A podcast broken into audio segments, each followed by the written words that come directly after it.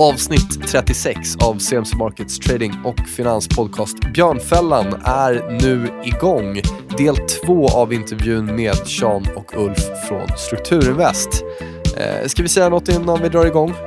Nej, har ni missat del ett så lyssna på den Gör det. Eh, först. Då. Jag tror i och för sig inte att de här hänger ihop, men det är alltid bra att vara med från start. Eh, mycket spännande att diskutera, så att, eh, väl värt att lyssna.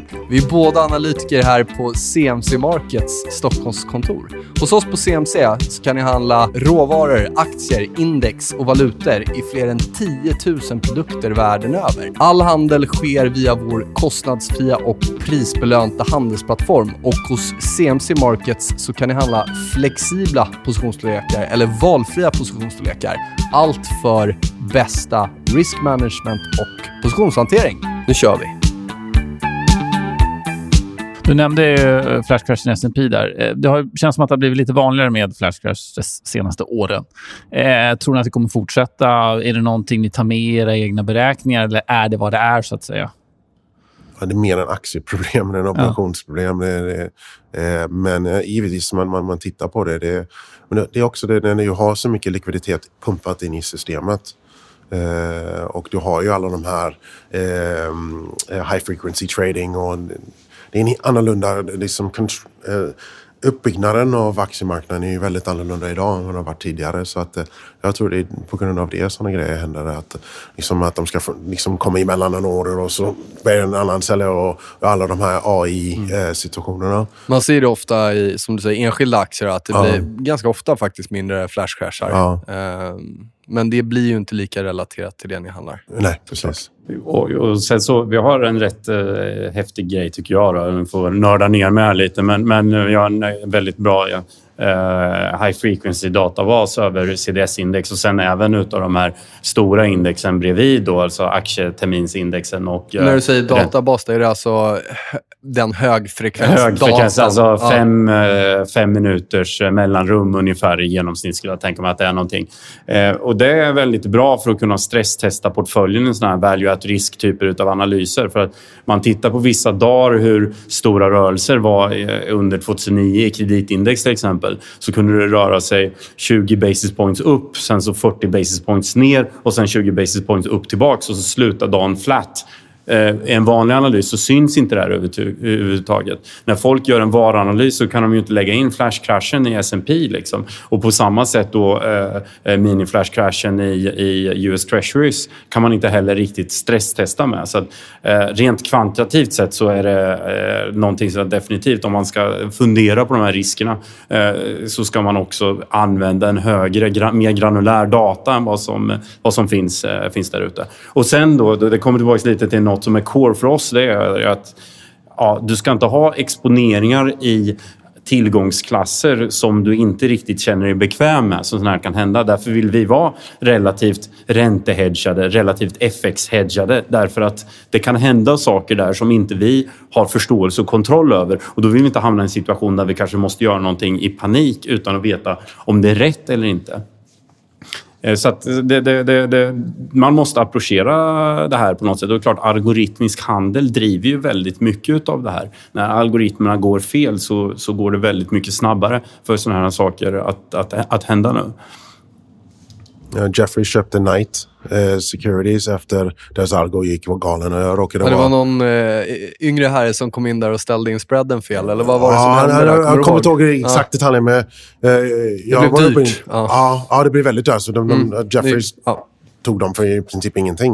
Eh, och jag var uppe på Equities tradinggolvet när, när det hände och det var ju, försökte ha ett möte, ett riskmöte med dem. Eh, och det, du, alltså jag har aldrig sett någonting liknande. Det var ju fullständig panik därför att det var, eh, ja, det är en algo gone wrong. Det var Ja, det var flera hundra miljoner dollar som de exekverade bort. Ja, precis, precis. Och ingen förstod vad som hände. Och, ja, och visste vad som hände. Så att eh, liksom hela bolaget försvann eh, och, eh, över en natt. Men de, var ju- det var ju en stor aktör på den marknaden. Ja, men på den tiden var de ju det. Eh, Och de var väl extremt framgångsrika också. Ja, de var Det var jätteduktiga. liksom ett hypat bolag. Många ville Ja, jobba där. Det ja. var coolt. Och sen så Ja. var det någon som programmerade lite fel och sen så gick det åt pipan. Ja, som var borta. Så att, eh, det är inte bara guld och gröna skogar i high frequency algodriven eh, handel. Det, det, det kanske är olika där.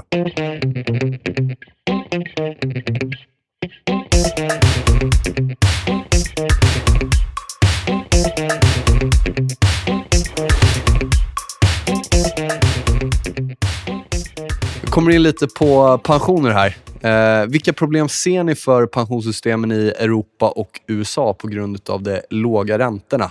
Ja, det finns ju en eh, direkt så eh, yield-dimension av det. Man har naturligt sett i en pensionsallokering ganska mycket fixed income för att ha säkerhet liksom i tillgångarna. Och när avkastningen på den är låg som en, eh, yieldarna ser ut nu så, eh, så blir direktavkastningen också låg totalt sett på hela portföljen.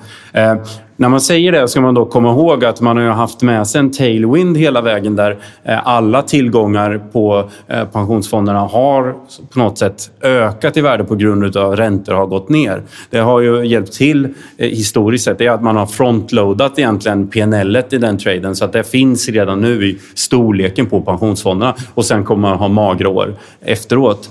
Så det är egentligen bara en justering över tid som, som, som jag ser det. Eh, vad jag tycker är lite mer problematiskt dock, det är att den här eh, låga yielden gör att man börjar allokera in i andra saker. Där man kanske jakten inte riktigt... Eh, jakten på yield, ja. Där man kanske inte riktigt eh, är så kompetent som man borde vara.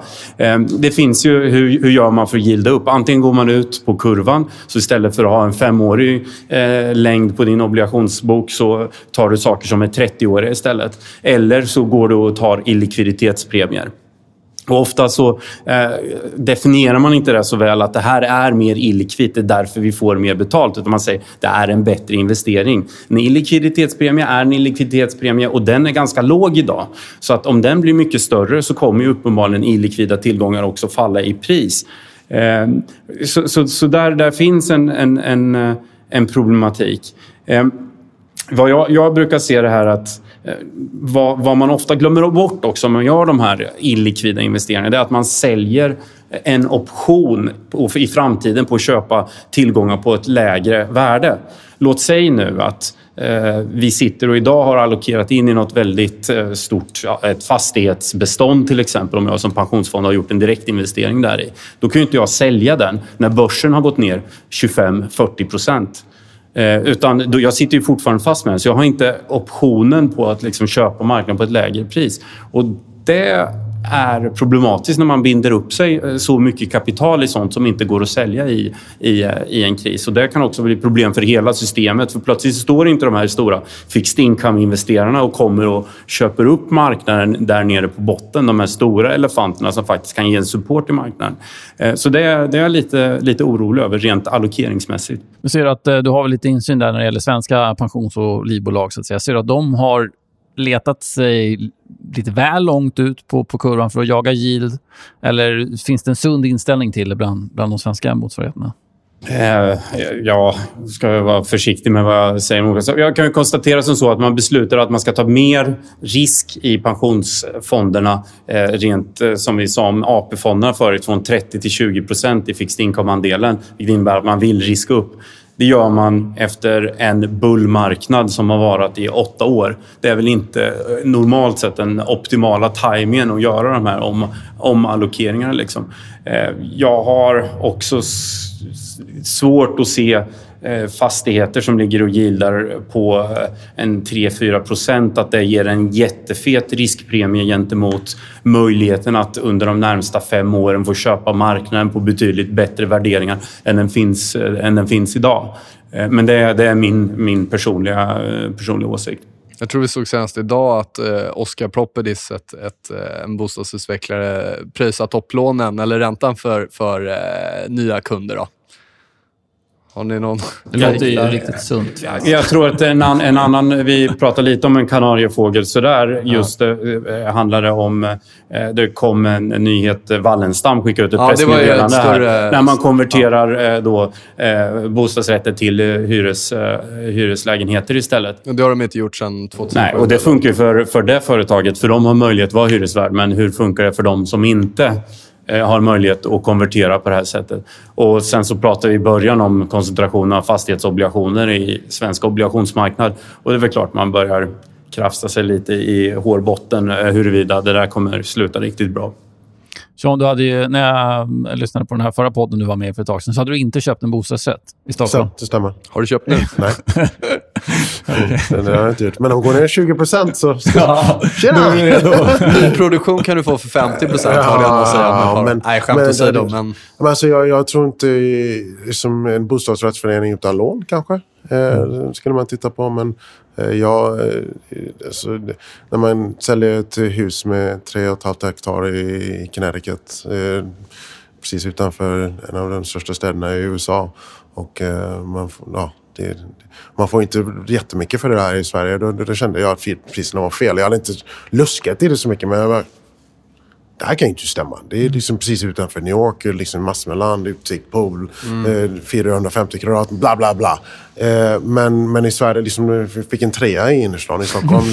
eh, och jag tror inte svenskarna som köper de här treorna tjänar lika mycket som, som jag gjorde på den tiden. Så att, eh, jag, jag, jag kände att, eh, utan att veta för mycket, någonstans, så det, det är lite problematiskt, jag tror lite tics med det där att eh, har jag blankat Hasbro så köper jag inte Barbie till min dotter. Det är kanske fel, men liksom Liksom hela den här, man tänker på sin position och tänker på eh, relative value oavsett vad, vad man gör.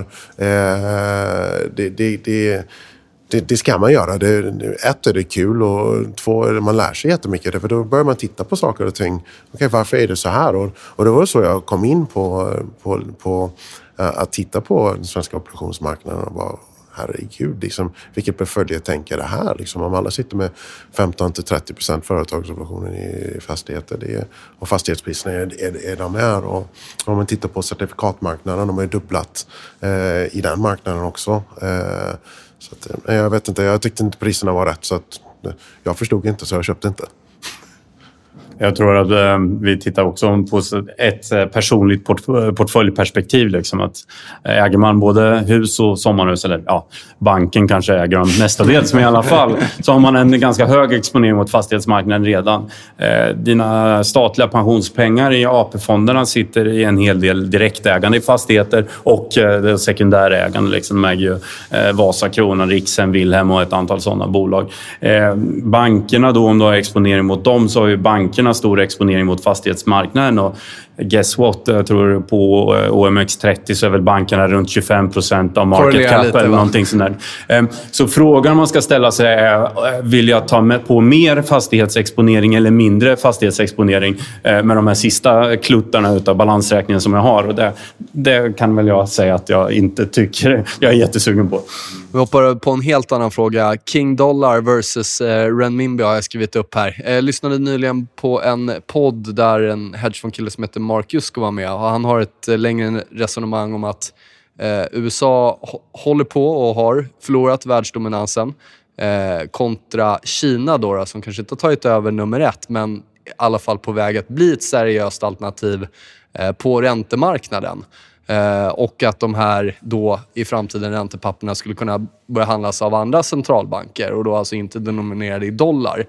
Hur ser ni på, är det något ni funderar på, Kina versus USA där? Och, Ja, jag håller inte med det där. Eh, nu är amerikansk kanske Ulf har en annan Ja. eh, uppfattning. Men eh, givetvis i USA det är problematiskt. Donald Trump är en mess. Det är adult daycare i the White House. Det, det är inte bra. Men, men det underliggande ekonomin och robust i rättssystemet eh, och eh, företagskulturen. Sarbanes-Oxley. Eh, folk försvinner inte mitt i natten. Och, och, så, bara sådana grejer. Kanske det sker i USA. Det, det, jag tror inte det är USA är på rätt riktning. Men vi är väldigt, väldigt långt ifrån strukturellt sett. Att, att, att Kina skulle jämföras med, med USA. Givetvis stort och stor ekonomi. Jag förstår hela den grejen men eh, det är fortfarande en kommuniststat. ja, han kanske talar lite i sin egen bok. Ja. Ja. Jag, jag, tror, jag menar, eh, om, du ska alltid ställa dig frågan så här, om företaget eller emittenten av en obligation inte betalar ut sin kupong. Var går jag för att få rätt att få den här utbetald? Var har jag recourse över den här, eh, den här, person, eller den här entiteten som har lånat pengarna? Och eh, jag känner mig inte speciellt komfortabel med att åka eh, eller begära visum någonstans eh, eh och eh, behöva lämna all elektronisk ut, eh, utrustning utanför gränserna för att inte bli avlyssnad och att få datorn dumpad och sen så stå och ställa mig och försöka kräva att jag ska ha kuponger. Men det, återigen, kanske Ja, en nej, det var personlig ganska reflektion. tydligt svar på det. Då stryker jag mitt Kina Nej, men alltså, alla Nej, skämt det- åsido. det- och han är ju väldigt smart. Och, så, så, det- och different, alltså, olika idéer och olika insikter. Det är vad som gör en marknad. Du behöver en köpare och en säljare. Så att, eh, alla... Så, så, som, som en referenspunkt bara kan man säga att det här har ju hänt i Europa till och med. Liksom att är du eh, i obligationsinvesterare i vissa av de spanska portugisiska bankerna och har tagit obligationer obligationer som inte varit skrivet under UK law utan har tagit de som är skrivna under lokala rag, eh, regler och lagar så har du då blivit eh, eh, eh, taken to the bath essentially och blivit hanterad mycket sämre än om du vore en domestik investerare. Så att, och det här händer inom Europeiska unionen där vi tror att vi har en relativt stark jurisdiktion. Eh, Så att det är någonting som man måste verkligen ha koll på. Det är stora spelare som har gått fel i den fällan. Eh, För oss så är det extremt viktigt att titta att att man har en bra jurisdiktion där man gör de här sakerna. och Att man faktiskt kan bli representerad på ett fair sätt. Och, eh, politiskt sett så tror jag att Kina är extremt långt eh, från det. Eh, det, det fallet han pratar om i Novabank och centralbanken i Portugal. Kom, och det liksom, kom till Lissabon och hämta pengarna från oss om ni vill ha dem. Och då sålde ju de, de var ju samtidigt stora innehavare i Portugals statsobligationer. Då sålde de alla statsobligationer i Portugal. Men det hände i EU. Eh, Och, eh, eh, så att, jag håller helt, helt med Ulf. Det, är- det, är- man måste titta på sånt och man ska förstå sånt. Och, och sen säga att Kina ska den ersätta USA. När, Ja. Kanske det händer. Liksom, Ja, det är ja, precis. det är det. 30-40 år fram, Ja, svårt att liksom... Men Ja, det, det, jag vet inte vad som händer i framtiden, men just nu känns det inte som det kommer hända. In the long term we're all dead. Ja, precis. Sometimes in short term. Eh, Sverige ett, eh, vi har en väldigt stark aktiekultur här. Vi har varit inne på, du var inne på yield, att man skulle ha koll på yieldkurvan och så vidare. Är det några andra alltså, ratios, spreadar och så vidare på räntemarknaden som du tycker man som aktiesplacerare ska ha koll på trots att man inte kanske är aktiv investerare på obligationsmarknaden? Ja, men, alltså, mer så nu än någonsin ska man hålla koll på räntorna. Eh, därför att, eh, som jag nämnde förut, om diskonteringen. Eh, men samtidigt så ska du kolla om äger du en aktie och eh, eh, den har inte gått ner men spreaden har gått ut.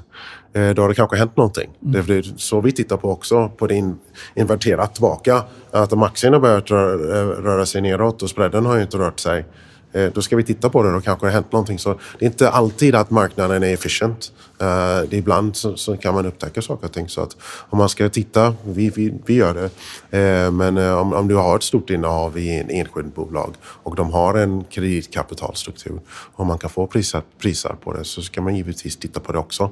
Därför det är obla, nu är jag en obligationskille men eh, oftast så ser man saker och ting lite före eh, aktie, eh, obligationsmarknaden i aktiemarknaden. Du kommer ihåg när finanskrisen började, aktiemarknaden fortsätter bara gå rakt upp. Man Och säger ofta att ni är lite smartare än Nej, aktiegrabbar. jag sa inte det. Det var jag som sa det. Jag kom från FX. Eh, men, men så att det är ofta den här canary in the coal mine är ofta i fixed income-marknaden och som Ulf nämnde, liksom inverterad kurva och så vidare. Det, det, det finns indikatorer som man kan titta på. Men om liksom, men inverterad kurva är en stor situation. och Det, det skulle till och med svensk press plocka upp att inverterad yieldkurva, även om de bara pratar om fingerprint. Men, eh, det, eh, men i den här Hamiltonian-världen där det är centralbankerna som fortfarande har rätt mycket kontroll så ska man ju ändå hålla koll på spreadarna på, på, på obligationer om, man- om man har en aktie och sånt där. Och jag ska ge ett eh, sånt här shoe shine boy-tips eh, här egentligen. Ehm, Av min erfarenhet eh, av att handla i europeiska marknaden. Det är när, när mina aktiemäklare, och jag- har inte varit stor aktiekund då eh, i och med att bara handlar terminer, men eh, när de börjar ringa till mig och berätta för mig hur de här CDS-indexen går, då brukar det vara dags att gå åt andra hållet. Contrarian signal. Contrarian signal. När de, när de, ja, nej, men det, det, det har hänt några gånger. Då, då brukar det vara dags, för då brukar, då brukar det även gå ett call till Frankfurt och ECB-skrapan där och så, och så, och så vänder de på steken. Eh, vi hoppar över till gröna obligationer. Eh, dels Då går jag då. Tack för idag. Eh, Mycket prat om det och det har vuxit enormt mycket senaste åren. Och ni har ju redan berättat att ni är på väg att dra igång en sån typ av förvaltning. Eh, vad är anledningen till det stora intresset? Kan vi börja med. Eh, det, det kom egentligen eh, i takt med att den här produkten introducerades i marknaden någon gång 2013. Jag blev in, lite involverad och i början så för att det här var en ny produkt så offererade man lite högre riskpremier i nya emissioner, vilket eh, man som handlare inte kan säga nej till uppenbarligen. Det var en del som nästan principiellt då sa att vi involverar oss inte i gröna obligationer. Och det man ska förstå om en grön obligation det är att den är likadan som en annan brun obligation. Det är bara ett, så att säga, ett commitment av företaget att använda finansieringen till, eh, till, till gröna projekt. Eh, så att allt annat är lika egentligen, så man ska ha samma bedömningsgrund på de gröna som de, de, de bruna obligationerna. Eh, men sen eh, över tid så har det utvecklats eh, väldigt snabbt uppenbarligen. Jag har sett det som en väldigt bra sätt också att förstå mer runt klimatrisker och saker som faktiskt påverkar företag de facto. Och det här är mycket sånt som är gärna fokuserat på kreditrisk också, just den här eh, asbest, eh, ABB typ av story när, när det är någonting du har gjort som är fel och sen så får du betala väldigt mycket för det. Det är sånt som ofta kommer i fokus för kreditböcker. Eh, eh British Petroleum, hela Macondo. Eh, katastrofen var ju uppenbarligen någonting som är miljörelaterat och som påverkar eh, balansräkningen väldigt mycket. Eh, Volkswagen lika så. Så att de här frågorna är någonting som kommer upp. Och dessutom så ser vi väldigt mycket att policymakers, det vill säga stater, de kommer gå efter företag som misshandlar de här frågorna. Så att förstå den delen utav eh, ett företag, att förstå vilka risker på nedsidan de har, är essentiellt egentligen. Och kan man minimera de riskerna, eh, de så att säga, klimatmässiga eller miljömässiga riskerna, så kan man också minimera en del av de eh, finansiella ekonomiska riskerna. Eh, det jag, jag har skrivit och gjort en del analys runt det här men, men, men det som är ändå väldigt lovande i det, det är att man kan så att säga, koppla loss eh, möjligheten att hitta bra placeringar från den gröna dimensionen. Det vill säga att jag kan hitta efter, titta efter en bok som jag tycker är intressant att investera i och jag kan samtidigt förbättra den gröna scoren så jag skiftar investeringar där allt annat är lika med att tar det lite grönare företaget om jag hittar i sektorallokeringar och motsvarande eh, och fortfarande känna samma typ av alfa. Så det är inte, det är inte, jag, tror inte, jag tror inte att en grön investering är ett rent alfa alfa i sig själv. Men däremot tror jag att vi kan hålla på med det samtidigt som vi tjänar alfa på, på samma sätt som vi gör i, i vår traditionella förvaltning. Och det är superbra. Liksom. Jag kan tjäna pengar jag kan göra någonting som jag tror är väldigt bra för mig och framförallt mina barn och generationerna efteråt. Och investerarna får investera i någonting som är ja, också. Man ja, precis. Ja. Och det, det, vi vill göra är en, en, en, en, en fond där man faktiskt tittar på det lite bredare än bara rena gröna obligationer. Ehm, egentligen så är den största gröna investeringen du kan göra det är att gå kort någonting som är väldigt brunt. Det har mycket större impact egentligen i termer av finansieringskostnad och koldioxidutsläpp än vad du har om du bara köper en eh, grön obligation från ett redan ganska, ganska miljömässigt företag. Och det är en del av strategin vi kommer att använda, liksom long short positioner mellan grönt och brunt som, som är gröna trades i sig själva. Eh, och vi använder lite hävstångseffekt på det också, eh, vilket används till någonting som är faktiskt, eh, ja, vi tycker är, är bra om vi har så lite klimatförändring som, mycket, som möjligt och det borde de flesta andra också göra. Men, eh, så det här är en ganska sofistikerad strategi. Sen finns det mer gröna saker som går att göra i förvaltning som är ganska low hanging fruit också som, som vi vill försöka påpeka för andra förvaltare att det här borde ni faktiskt göra. Vilka är de stora bovarna där ute? En följdfråga. Vilka typer av företag är det eh, Den största boven är inte ett företag utan det är generellt sett stater och uh, olika uh, nära statliga organ. Och Det är där vi som obligationsinvesterare också kommer in för vi finansierar ju stater och närstatliga organ medan uh, aktiemarknaden kan ju bara gå på rena företag. Eh, det finns ett case som vi jobbar väldigt mycket på eh, just nu och det är Australien då som håller på att committa egen finansiering till världens största kolgruva som man då ska bygga här framgent. Och inte bara att man ska bygga kolgruvan och släppa ut 4,7 miljarder ton koldioxid, vilket är en enorm mängd. Eh, man ska även dra upp en bit av barriärrevet för att man ska kunna komma igenom med kolskeppen. Liksom. Och, och det här finansieras Alltså aktiemarknaden har sagt ifrån. De internationella bankerna har sagt vi är inte med och finansierar. Till och med de australiensiska bankerna har sagt vi är inte med och finansierar på grund av tryck från aktieägare. Då säger australiensiska staten vi finansierar här genom vårt underskott istället. Och institutionella obligationsinvesterare köper australiensiska statsobligationer samtidigt som man då säger eh, vi är gröna ESG, vi köper gröna obligationer sådana saker. Eh, och det här är den här korta dimensionen som vi pratar om. Det är där man måste också kunna pusha på. Det räcker inte bara med att vi köper gröna obligationer och liksom har tvått våra händer. Utan man måste ta tag i en del av de här problemen på ett aktivt sätt. Eh, som, som tyvärr inte görs riktigt eh, i så hög utsträckning idag. Säkerställer man, du nämnde där att grön obligation är egentligen bara pengar som ska vara öronmärkta för den typen av investeringar. Då känns det som att det ligger i företagets händer att vara ärliga också att de pengarna används till det? det finns det certifieringar eller hur, hur, hur säkerställer man att pengarna hamnar där de ska hamna? Så att säga? Det finns en hel del certifieringar och det är en due diligence-process som man gör vid alla företag. och så där. Men, men en, en poäng som jag vill bryta ut speciellt där det är ju att eh, till skillnad från aktiemarknaden så en, i, i företagsobligationsmarknaden så kommer ju företaget tillbaka och refinansierar. De kommer ju tillbaka och refinansierar sin gröna obligation men även sina övriga obligationslån som finns där ute. Så vad som händer är att om du inte har fullföljt dina commitments på en emission du gjorde för sex månader sedan eller ett år sedan, då är jag mycket mindre benägen att eh, köpa obligationen som du vill ge ut idag. Såklart. Och dessutom så tycker jag då, det är ofta en eh, rejäl flagga för governance issues. Ett företag som har en kultur där man kan gå ut och committa till någonting, inte lyckas fullfölja det, antingen på grund av att man inte har styrmedel eller på grund av att man är, eh, man är en crook helt enkelt. Ja, det är ofta associerat med governance-risker och det är i sin tur ofta eh, associerat med, med dålig, dålig, dålig avkastning. Typ rycka kupongen på en preffaktie. Jag säger ingenting, så jag har ingenting sagt. vad, vad, har vi för eh, svenska bolag då som, som är bra på det här med gröna obligationer? Finns det några som sticker ut? Um, jag, jag, måste ändå ge, ge lite kudos till uh, SEB som på något sätt har varit den som startat den här marknaden. det är lite, vi ska vara stolta över det här som svenskar. Det här har blivit ett väldigt stort tema och det är faktiskt uh, runt, runt Kungsan som man har kokat ihop hela formatet och liksom drivit fram marknaden till, till där man är. Alltså globalt menar du? Ja, globalt sett. Globalt sett. Så att, eh, de, de, de, har varit absolut störst. Nu det många andra banker som kommer ikapp, men för att driva fram marknaden som koncept så har de varit uh, absolutely crucial.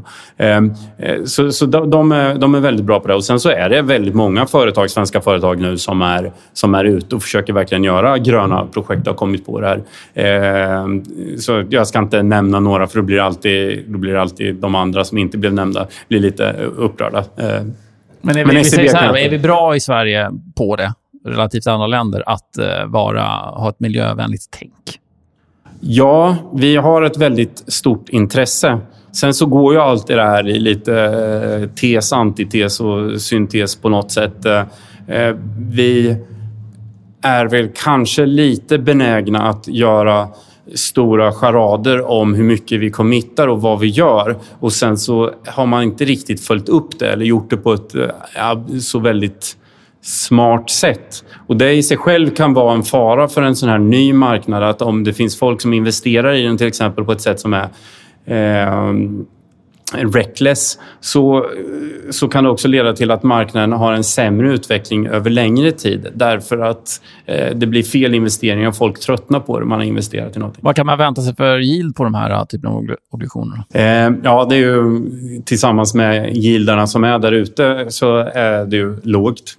Eh, men generellt sett så har vi sett då spreadarna, om vi bara tittar på det, så prisar de i enlighet med de flesta andra eh, obligationer som finns där ute. Med vissa variationer eh, på olika emittenter och olika emissionstillfällen och så. Det finns lite studier där ute som, eh, som har påvisat eh, annat, som till exempel att de här är mycket dyrare än andra obligationerna. Och från ett rent eh, akademiskt eh, synsätt så är de eh, inte ens värda pappret de är skrivna skrivna på en del av de här studierna, de är helt enkelt felaktiga eh, kvantitativt och, metodologiskt. Men vi får ju höra det ofta att ni borde få en lägre kupong på den här obligationen därför att den är grön. Eh, men eh, det stämmer inte.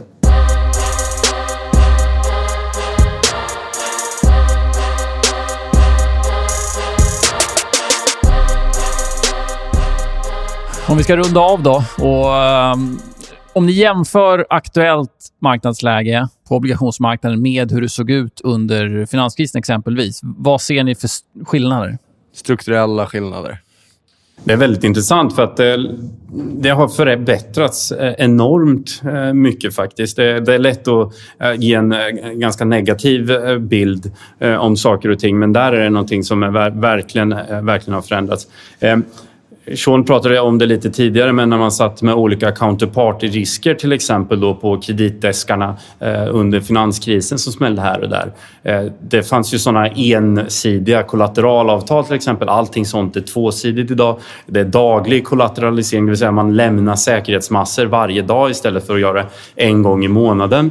Eh, många av de här kontrakten som kunde vara att jag köper det här från eh, Lehman Brothers och sen så säljer jag det på andra sidan till, eh, till Goldman och så kan jag bara squara ut risken. Det squaras ut per automatik, centraliserat, eh, centraliserad clearing på många instrument också. Så själva eh, rörverket, the plumbing av systemet är oerhört mycket, eh, mycket stabilare idag än vad det var en gång i tiden. Eh, som, som jämförelse, eh, på Bank of America så satte vi upp eh, uppemot en och en halv triljon dollar om vi la ihop alla kontrakt tillsammans. Sånt finns inte längre. Det, det, det är inte okej. Okay. Det, det var inte okej okay då. Det är bara Deutsche Bank som har Ja, det, alltså, det, riskkontrollen där ja. det, det, kan, det är ett helt avsnitt ja. till sig själv. Men, eh, så att liksom de här strukturella grejerna där, där, där folk inte novatade och plockade ner sina, sina kontrakt för det var för dyrt. Eh, det, det, där finns inte längre. Det, det, det försvinner. Att, det just det, att man får den här daglig kollateral. Att regelverken också, så någonting som jag, vi, när vi kommer till mindre celler, man lär sig väldigt mycket. Regelverken är också väldigt robust. Eh, hur, hur folk, eh, vad man får göra, vad man inte får göra. Eh, hur mycket leverage man får ta på. Och, eh, eh och det finns mycket kontroller. Och att det finns genomsyn, jag vet inte om du sa det, men just den här genomsynen genom clearinghousen. Så man, man ser, man hittar en long term capital.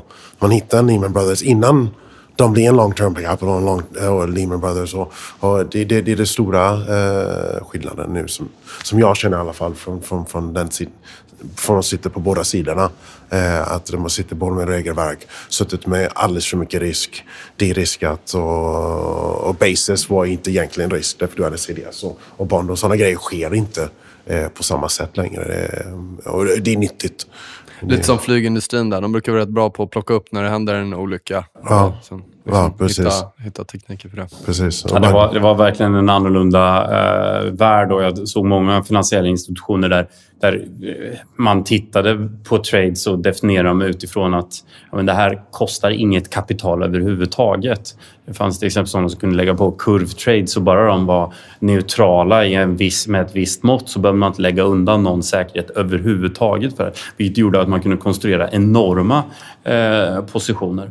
Eh, sånt, sånt existerar ju helt enkelt inte bara nu. Så, och även så, så generella sättet med kostnader av kapital i banksystemet och så har gjort att kostnaden för leverage har gått upp rätt rejält och man har lägre leverage totalt sett i systemet. Eh, finansiellt leverage på den sättet. Sen så blir det ju mer då kan man ju säga att när vi alla eh, sitter med stora tillgångsmassor i väldigt högvärderade tillgångar och allting har varit positivt korrelerat över de senaste eh, fem, sex åren. Räntorna går ner så obligationspriserna går upp och samtidigt så går också aktieböckerna upp när vi inte har de här naturliga hedgarna i de, många av de stora tillgångsböckerna så, så, så finns det ju på ett sätt en slags implicit hävstång där som, som man kan vara lite mer eh, rädd för. Sean, jag tänkte bara höra med dig. Vi, vi har pratat om det i en podd för ett tag sedan. Det här med subprime kopplade till bil, eh, bilar och eh, studentlån i USA. Se, är det en riskfaktor eller blåser man upp det för mycket? Alltså jag, tycker, jag, pratade, jag hoppade upp ner om det här för ett halvår sedan. Eh, skrevs en artikel i GP eller något sådär om det. Eh, men Ja, det är ett problem, men det är inte på samma sätt. Det är inte mm. uppdelat i trancher med massor med leverage på och blåst ut som trippel A och ingen förstått att det, det, det, var, det fanns någon, någon, form av risk. Det är givetvis ett problem och det finns alltid någon som har för mycket risk som kommer sprängas i luften. Men det det, det, vi tittar inte, det är inte en 2008, 2007 Det är ingen systemrisk i det nej, nej, nej, nej. mer- Det, det kommer, någon kommer få ont, någon kommer få sparken. Ja, Eh, kanske liksom någon mindre spelare går under eh, i, i processen. Men eh, det är de här stora spelarna och någonting som ska skaka fram ett problem här. Det är kanske lite svårare att sälja bilar. Eh, jag skulle kanske inte köpa Hertz-aktier.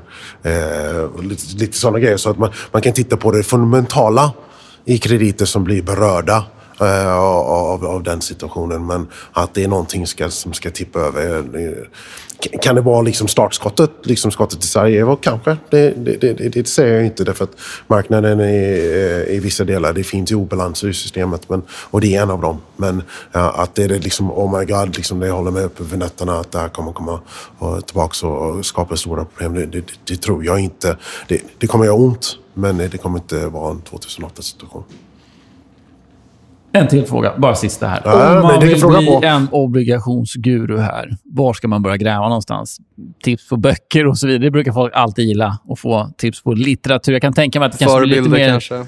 tungrott än att läsa Peter Lynch eller Warren Buffett när man ska bli expert på obligationer. Men vad, vad, vad säger ni att man ska börja någonstans? Random walk down Wall Street. Nej, alltså det, eh, alltså det, det är svårt att läsa sig till... Eh, Ulf har ju skrivit böcker så jag ber om ursäkt med en gång. Men, eh, Eh, eh, eh, pain is a good teacher och det är mycket av de grejerna som, som jag gav en... en keynote-tal på Ulfs skola, Lund. Han kunde inte, men eh, alltså, man lär sig mycket av att vara i en, en riskkultur. Man lär sig väldigt mycket av att vara en, en kultur där det finns mångfald, eh, nationaliteter, eh, tradinggolv eh, med massor med nationaliteter. Det är inte byggt för att Citibank vill vara med United Colors och Benetton-reklamen. Den är byggd för att de tjänar pengar på det. Eh, så de som vill, jag ber om ursäkt igen, att, att hitta någon bok som man kan läsa, man kan få inspiration. Man kan läsa, läsa Liars Poker och man, eh, mer kvantitativt kan man läsa den del av grejerna som Ulf har skrivit. Men för att verkligen förstå obligationsmarknaden så måste man vara i obligationsmarknaden. Man måste förstå språket. Man måste förstå... Det, det finns folk som har alltid fel. De är jättebra att prata med också. Eh, man, man lär sig liksom Dell 7% av 2028. Den kan inte jag blanka, den kan inte jag köpa. Jag förlorar pengar på det oavsett vad jag gör. Eh, under liksom decennier så bygger man upp en kunskapsbank eh, för, för att, eh, att, att kunna förstå obligationsmarknaden. För den är ju komplicerad. Det, det är inte eh, lika det är inte lika förenklat som en aktie. Eh, jag säger inte aktier är enkla, eh, därför de är svåra, för mig i alla fall. Men, eh, men att, att läsa sig till, när man anställer någon, eh, och jag gillar alltid att anställa folk, inte från Ivy Leagues, liksom någon som lite chip on the shoulder. Liksom därför man måste ha hungern att lära sig, man måste lägga in tiden, man måste göra fel, eh, man måste känna smärta, man måste känna rädsla, man måste känna girighet och se hur man reagerar och sen vara självkritisk runt min egen performance och säga vad gjorde jag fel, vad gick in i fällan, eh, vad gjorde jag bra, gör mer av det, gör mindre av det och så justerar man och så man lär sig hela tiden. Eh, Och det är det som är så himla kul med det här jobbet. Det, det är, varje dag är en ny dag. Eh, man liksom kommer ner, checkar egon vid dörren och så försöker man tjäna pengar och vara lite bättre än vad man var dagen, dagen innan. Och det är en självlärningsprocess hela tiden. Och det är den, intellektuellt sett är det alltså, jag älskar det här jobbet. Det, det, det är så jäkla kul eh, att, att få komma och göra någonting man, man älskar. Men, men att, eh, att kunna läsa sig till eh, alla erfarenheter som man har som skapar sin, sin beslutsfattningsförmåga eh, är helt, helt omöjligt. Och jag skulle hävda, jag fick väldigt mycket kritik om det här, men jag skulle hävda det är nog svårt att göra det i, i Sverige. Eh, om du är en ung lyssnare. Du måste, jag tycker du måste åka utomlands och jobba på de här storbankerna där du, du har en ordentlig riskkultur, där du har mångfald, där du har folk från olika eh, kulturer och eh, kön och läggning att, som, som sammankommer och man lär sig.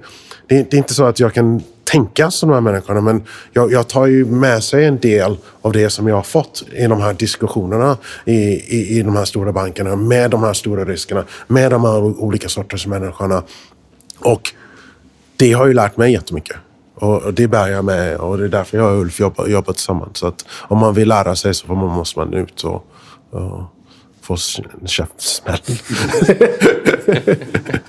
Jag, bara som ett rent eh, praktiskt litteraturtips. Har jag, jag kan inte säga någon bok eller sådär, men det finns en tendens att göra obligationshandel alldeles för ma matematiskt egentligen. Eh, börjar det pratas om nollkupongskurvor och eh, motsvarande så, så kan man skippa de, de rent eh, kvantitativa bitarna. Man behöver förstå begreppet runt en ränta, hur det relaterar till obligationen, vad spreaden ovanpå i en företagsobligation betyder. Men, eh, men sen så är de komponenterna relativt enkla för att förstå 95 procent utav det. Och sen så finns det mycket jargong i fixed income också. Så det måste man... Eh, det kan man skriva en liten ordlista bredvid bara och så ha med. För att ja, vi är lite som läkare ibland. Vi, liksom, vi översätter saker som helt vanliga med någonting som heter eh, något vansinnigt komplicerat istället. Bra. Bra. Vilket avsnitt. Fantastiskt att ni kom hit. Jag, tror både, ja, jag vet att jag uppskattar det, säkert Kristoffer också. Framförallt våra lyssnare tror jag. Eh, väldigt spännande. Eh, tack för den här gången. Ja, tack själva. Tackar. Stort tack. Jätteintressant. Och det var en första intervju tillsammans, så hoppas vi inte får vara för hackiga. Nej, det var ju nästan lite för lite. Jag trodde innan här lät det som att det skulle bli lite brottning här på golvet. Vi hoppar in i buren sen. Ja, det är bra. Det är bra. Det?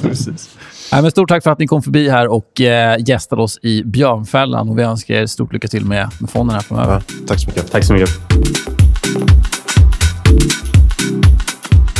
Wow. Vilken intervju, va? Ja, Jag ska nog sålla om till ränteförvaltare, tror jag. ja. Köpa och sälja lite så är det klart sen. Ja. Nej, men eh, skämt åsido, riktigt intressant. Har ni frågor och funderingar till oss eller till eh, Sean Ulf, tveka inte att höra av er. Eh, Trade CMC vill vi bumpa som vanligt. Eh, andra frågor och funderingar kan ni mejla in eller hashtagga i björnfällan på Twitter. Eh, ja, jag har inte så mycket mer. Någonting du vill tillägga? Nej, inte jag heller. Bra, då tackar vi för oss. Hej! Tack, tack. Hej då.